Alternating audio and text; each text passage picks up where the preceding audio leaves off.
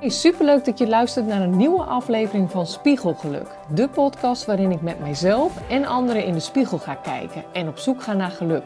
Het grote geheim is namelijk, geluk zit al in jou. Tel denkhoofd uit en je hart aan en dan gebeurt er iets magisch. Hoe werkt je succesmindset? Hoe leer je visualiseren en manifesteren zodat je hoofd en je hart eindelijk samen mogen creëren? Mijn naam is Carina Hoeven en ik hoop dat je samen met mij iedere dag jezelf steeds meer in de spiegel gaat zien en dat je echt gaat zijn wie je eigenlijk al bent. Nou, ons brein. Ik zit er echt vol van. Wat betekent dat veel voor een mens? En waar ik eerder dacht dat die leidend was, is die voor mij gewoon nu dienend. En leer ik, train ik mijn brein. Ik doe niet anders. Ik zeg het ook tegen iedereen. Ik gun het iedereen en ik ga straks ook iedereen leren. Maar um, iedere dag heb ik ook een aha-moment. En die aha-momenten wil ik dolgraag delen in deze podcast. Dus ik had deze week ook een hele interessante. En die komt uit de NLP-studie. NLP is neurolinguistisch programmeren. Dus dat gaat eigenlijk ook gedeeltelijk over het herprogrammeren van je brein.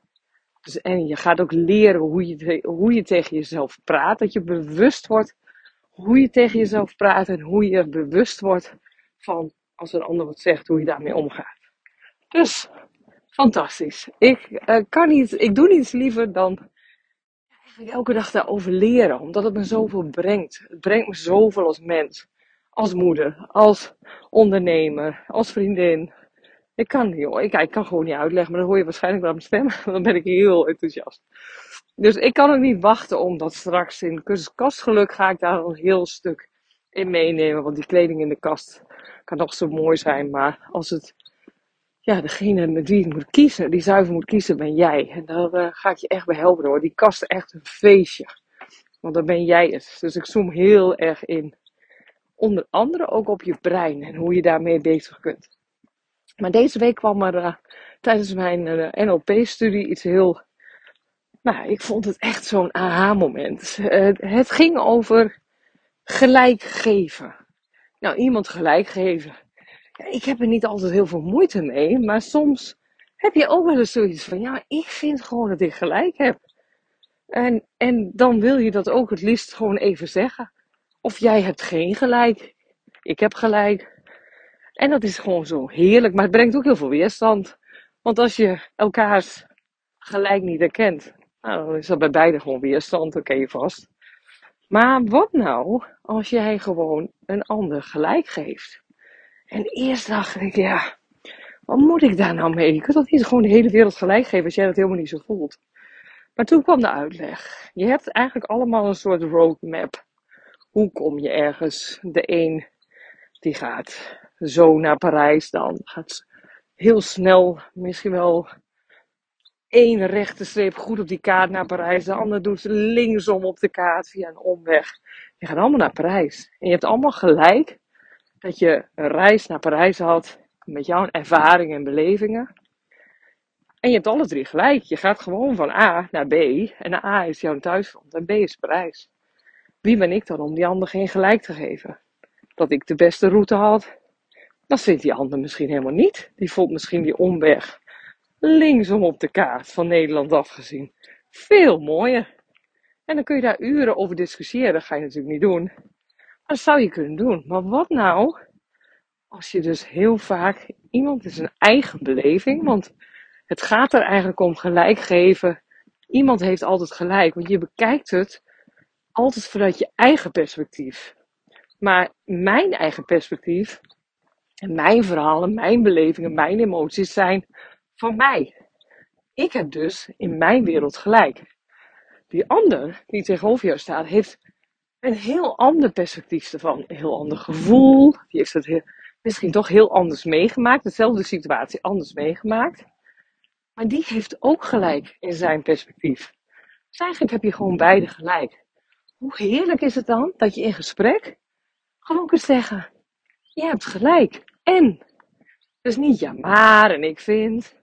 Nee, je hebt gelijk. En? Ah, ik heb dat in de coronatijd, of nu bijvoorbeeld met die energieprijzen. Tuurlijk, heel veel mensen hebben het erover. Nou, ik was daar wel eens gewoon was van. Ik denk, jongens, we kunnen het erover hebben. Maar het schiet niks op. Je moet in what else is possible hier. Wat kan er wel, moet je gaan denken. En dan komen de antwoorden. En um, als ik nu dus met iemand daarover in gesprek ben.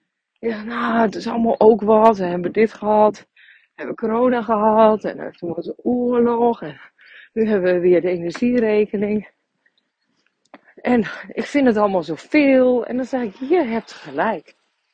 Waar ik eerder zou zeggen, goh, maar heb je wel eens daaraan gedacht? En uh, zou je het zo kunnen bekijken? Maar eerst zeg ik als allereerste, en dat is een hele fijne, je hebt gelijk. Want ik merk, zodra ik dat zeg, dan voelt die ander zich dus heel erg begrepen. Die denkt, heerlijk. Iemand die me hier gelijk heeft. Want die ander voelt dat namelijk zo. Dat wil niet zeggen dat ik het zo voel. Maar die ander heeft het in die wereld, in zijn beleving, in die emoties, maar hoe die alles ervaart, zo. Dus die heeft in zijn eigen emotie in dit verhaal gewoon gelijk. En dan zeg ik bijvoorbeeld het woordje en erachteraan. En je hebt gelijk. En ik leer me nu aan om daar niet meer elke minuut van de dag mee bezig te zijn. Dat vind ik zo zonde. Dus ik geef die ander gelijk. En ik gebruik het woordje en. Nou, die is geniaal. Dat is echt even oefenen. Ik moet zeggen dat ik ook niet altijd van nature nu. En gelukkig heb ik heel weinig dat ik met mensen in discussie raak. Of, maar je merkt het, ik denk dat ik dat nog het meest, ja, misschien wel op thuisfront. Ja, zeker met uh, puberkinderen. Nou, best wel uh, dingetje. Jij uh, zou dat opruimen. Ja, dat heb ik gedaan. nee, je hebt niet gelijk. Ik zie dat dat er nog ligt. Maar in de beleving van je kind heeft hij opgeruimd. Het is niet zoals ik het wil. Zijn beleving of haar beleving, laat ik dan niet hebben zijn en haar is dat gewoon wel opgeruimd. Alleen niet zoals ik dat het eigenlijk zou willen zien. Maar wel zoals je kind dat had gezien. Dus we hebben alle twee gelijk. Ik vind het in mijn belevingswereld niet genoeg. En mijn kind denkt, ik heb het toch zo gedaan, waar heb je het over? Ik heb gelijk.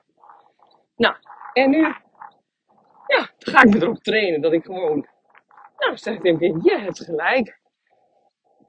En misschien moeten we het dan de volgende keer even anders communiceren. Dan heb je al een heel ander gesprek. Ik noem even zoiets. Kind denkt, oh heerlijk, mijn moeder geeft eigenlijk eens een keer gelijk. En daarna heb jij weer een opening om daar toch even over te hebben op een andere manier. Dus zeg gewoon de volgende keer, kun je dan daar even op letten. Nou, de grote grap is, ik heb dit dus al wel uitgetest. Je hebt gewoon geen strijd. Dat is echt magisch. En dat het zo doodsimpel is. Heb ik nooit geweten. Dus ik zet hem in.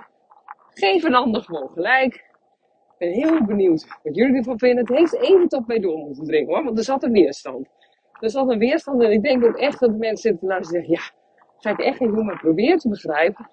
Dat die anders een wereld, beleving, emotie anders is dan jouw wereld. En dat we alle twee gelijk hebben. Nou, voel ik echt heerlijk. Dus ik denk, gooi hem er even in. Het is een korte ik zou zeker even erop inzoomen. Het gaat je echt zoveel brengen. Hey lief allemaal, bedankt voor het luisteren. Vond je dit interessant? Dan is het te gek om een screenshot te maken, te delen in je stories of je feed. Of tag mijn Instagram Carina Hoeven. Hiermee inspireer je anderen en ik vind het zo ontzettend leuk om te zien wie je luistert. Oh ja, nog één ding. Voor alle gratis contents die ik aanbied, zou je alsjeblieft één dingetje terug willen doen. Abonneer je nu op deze podcast en schrijf een review, want hoe meer abonnees en reviews, hoe hoger spiegelgeluk komt in de ranking.